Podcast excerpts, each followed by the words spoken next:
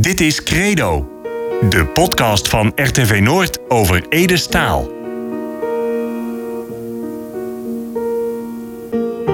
Op 22 juli 1986 overleed Ede Staal. De troubadour Wilma Vadenvader Joor. Nog steeds is hij een ongekend fenomeen. Zijn versjes, zijn verhalen raakt ons grunnigers in ons hart, in onze ziel. Elk het wel zijn eigen verhaal, bij Ede als zijn latjes. In Credo, de podcast over Ede, komt mensen naar het woord over hemzelf, over zijn muziek en over zijn leven. Overleven 41, Ellen Bourgogne. Vandaag, 22 juli, is het 34 jaar geleden dat Ede Staal uit kwam. De vraag dat dit bij de mensen bekend moest, was Ellen Bourgogne. Zij las met emotie in haar stem het trieste bericht voor op Radio Noord. Na een langdurige ziekte is gisteravond in zijn woonplaats Delfzijl Ede Staal overleden. Hij is 44 jaar geworden. Ede Staal was werkzaam in het onderwijs als leraar Engels, maar kreeg grote bekendheid als zanger van liedjes, die door hem zelf gecomponeerd waren en op tekst gezet in het Engels en daarna ook in het Gronings. Voor die Groninger teksten en voor zijn gesproken bijdrage aan het zondagochtendprogramma van Radio Noord kreeg Edestaal de K. ter Laanprijs toegekend door de stichting Het Grunninger Bauk, die hem op 4 oktober zou worden uitgereikt. Edestaal bracht diverse grammofoonplaten uit, waaronder een zeer succesvolle LP Mintoentje. Momenteel wordt er gewerkt aan de voltooiing van een tweede langspeelplaat van hem. Edestaal laat een vrouw en zes kinderen na. Het avondprogramma van Radio Noord is gewijzigd. Vakantieradio Noord komt te vervallen. En in plaats daarvan wordt een documentaire van drie kwartier over Edestaal uitgezonden. van kwart over zes tot zeven uur vanavond. In het middagprogramma tussen 12 en 1 zal een in memoriam gesproken worden door Simon Reker. Ja, een bijzonder moment. Als je dit nou hoort, wat, wat doet dat nou met jou? Nou, dat vind ik nog steeds lastig. Ik kan, ik kan me nog zo goed uh, herinneren die dag, die ochtend dat dat gebeurde. Want heel lang heb ik, uh, heb ik, heel lang heb ik gedacht... ik moet straks naar beneden lopen...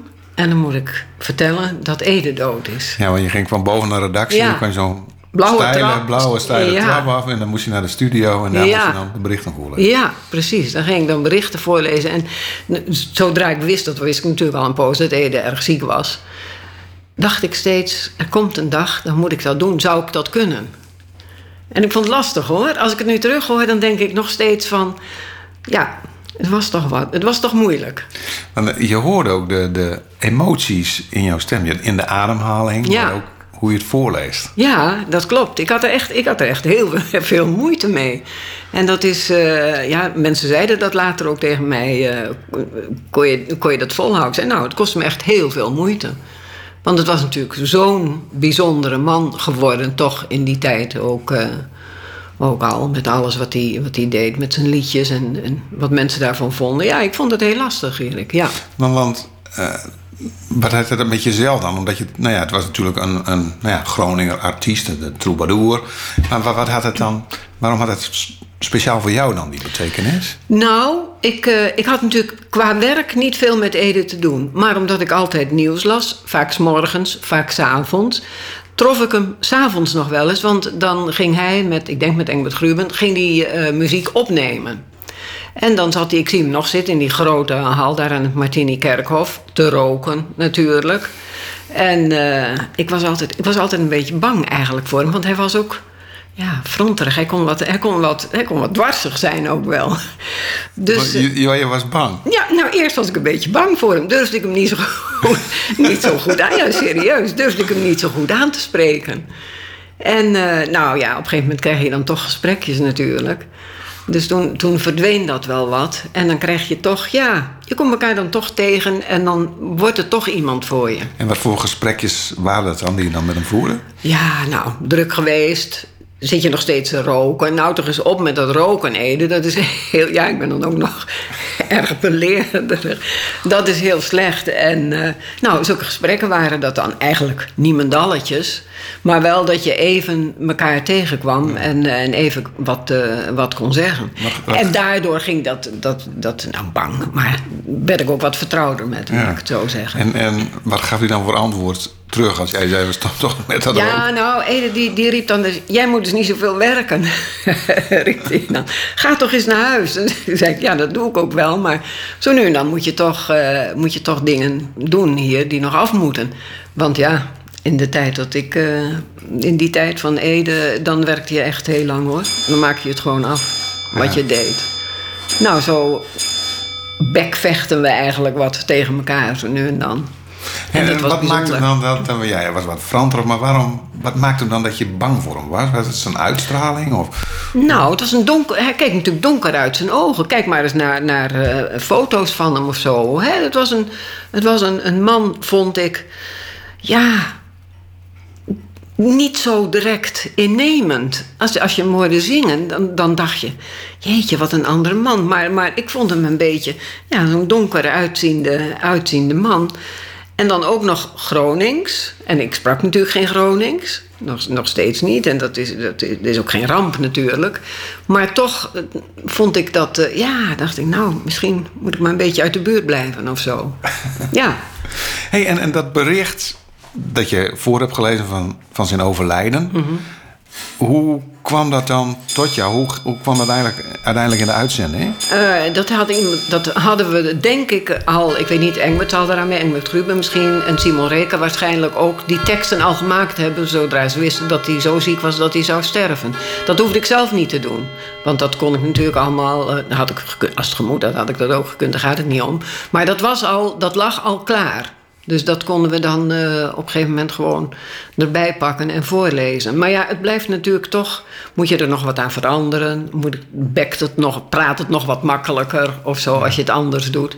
En uh, nou, dat uh, heb ik nog een klein beetje bijgeschaafd. Weet, je nog, maar, weet je nog wat je hebt bijgeschaafd? Nee, dat zou ik het nog weer een keer moeten horen. En, nee, nee, dat weet ik niet meer. Maar ik vond het wel, ik vond het, heel, ik vond het echt heel moeilijk om het voor te lezen. Ja. ja. Had je het gevoel dat je moest huilen? Of ja. ja. Ja, als ik het nu weer hoor, nu ik het weer hoorde, ja. dacht ik nog van verdorie, dat was toch.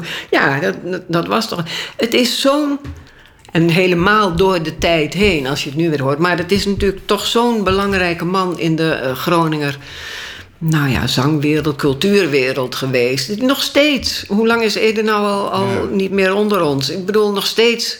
Overal hoor je zijn muziek nog. Ik draai zijn muziek ook graag. Ja. Maar je hoort het eigenlijk ook nog.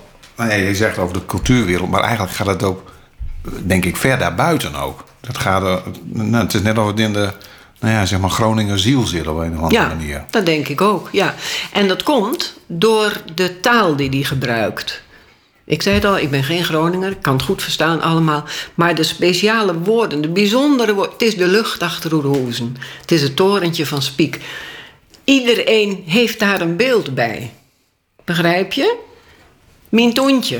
Dat, is ook, dat, is toch, dat zijn toch zulke sprekende uh, beelden in het Gronings, maar toch. En dat is denk ik vooral de, de, het bijzondere van Edestaal. Ja. Dat hij zo, zo goed, zo taalvaardig was in het Gronings. En, en is dan Hoge, het Hoge Land, is dan ook jouw favoriete nummer? Ja, het Hoge Land is mijn favoriete nummer, ja. Het is de lucht achter Oerhoeven. Het is het torentje van Spiek. Het is de weg van langs naar klooster en de Westvoorne langs de diek. Het zijn de meulens en de molen. Het zijn de kerken en de beuren.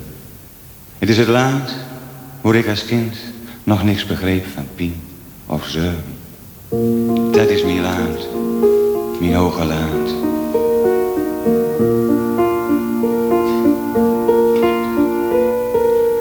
Het is de lucht achter Oeroezen, het is het torentje van Spiek. Het is de weg van langs naar klooster en de Westvoorne langs de diek. Het ben de muns, ben de moon, Het ben de kerken en de beul. Maar het is wel dat jij dit nummer mooi. Jij, jij bent eigenlijk geen, niet nooit gewoond op het Hoge Land. Nee, ik heb nooit gewoond op het Hoge Land. Maar ik heb natuurlijk wel heel veel gewerkt in Groningen. In de, ik bedoel, ik kende op een gegeven moment door alle programma's die ik deed... maar eigenlijk bijna ieder weggetje en ieder eh, borg en weet ik veel wat. Dus ik ben wel, ik ben wel echt ja, Groningen geworden. Dat kan niet, maar Groningen zit wel in mij. Groningen zit gewoon, gewoon in mij. Al, dat zie ik allemaal voor me. En dat, daarom spreekt mij dat zo ontzettend aan. Ja.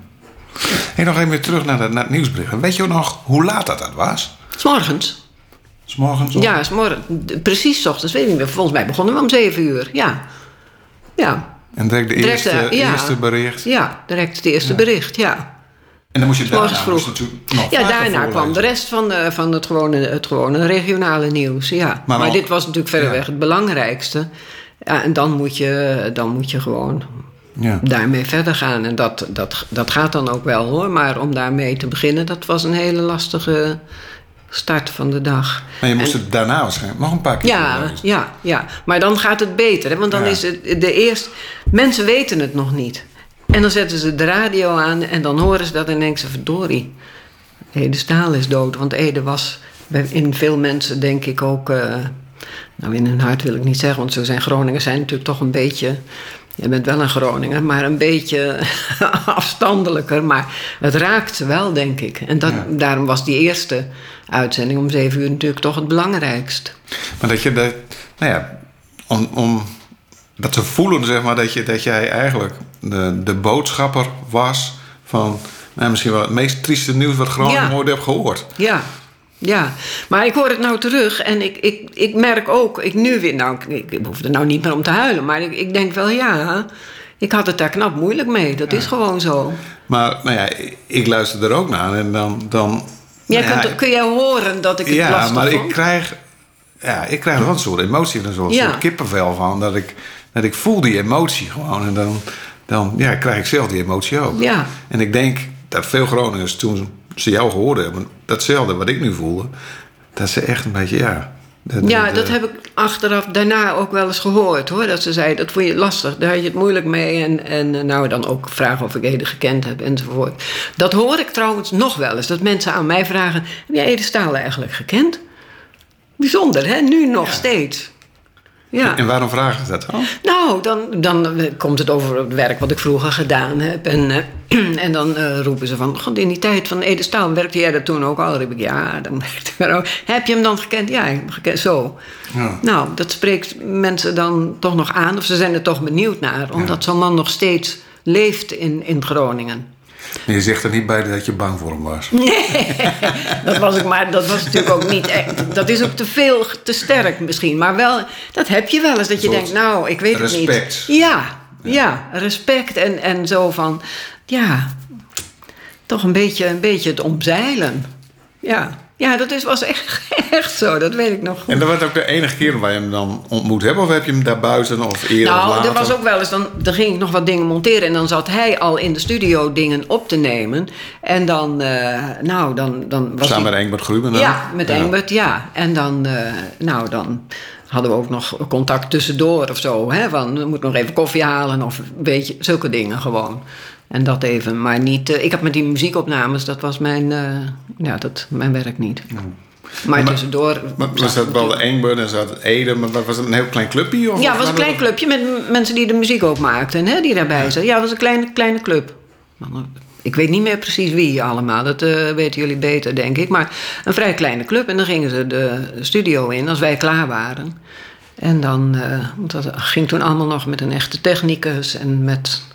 Nou, dan moest alles heel goed ingeregeld worden. En dan, eh, ja. Hey, en, en nou ja, we net alleen maar over zijn muziek. En nou ja, je hoort Ede natuurlijk nog overal. Mhm. en, en als je dat dan hoort, wat voor... Moet je dan nog wel eens terugdenken bijvoorbeeld aan, aan die dag dat je dat moest voorlezen of zo?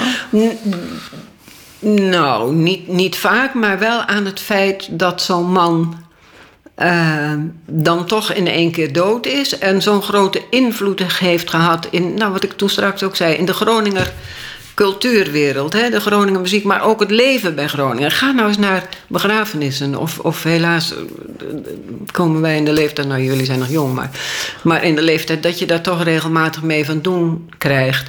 Hoe vaak willen mensen daar Ede niet horen? Daar denk ik wel vaak. Ik draai ook vaak een cd'tje van, ik ben nog ouderwets, een cd'tje van Ede in de auto. Ja, ja.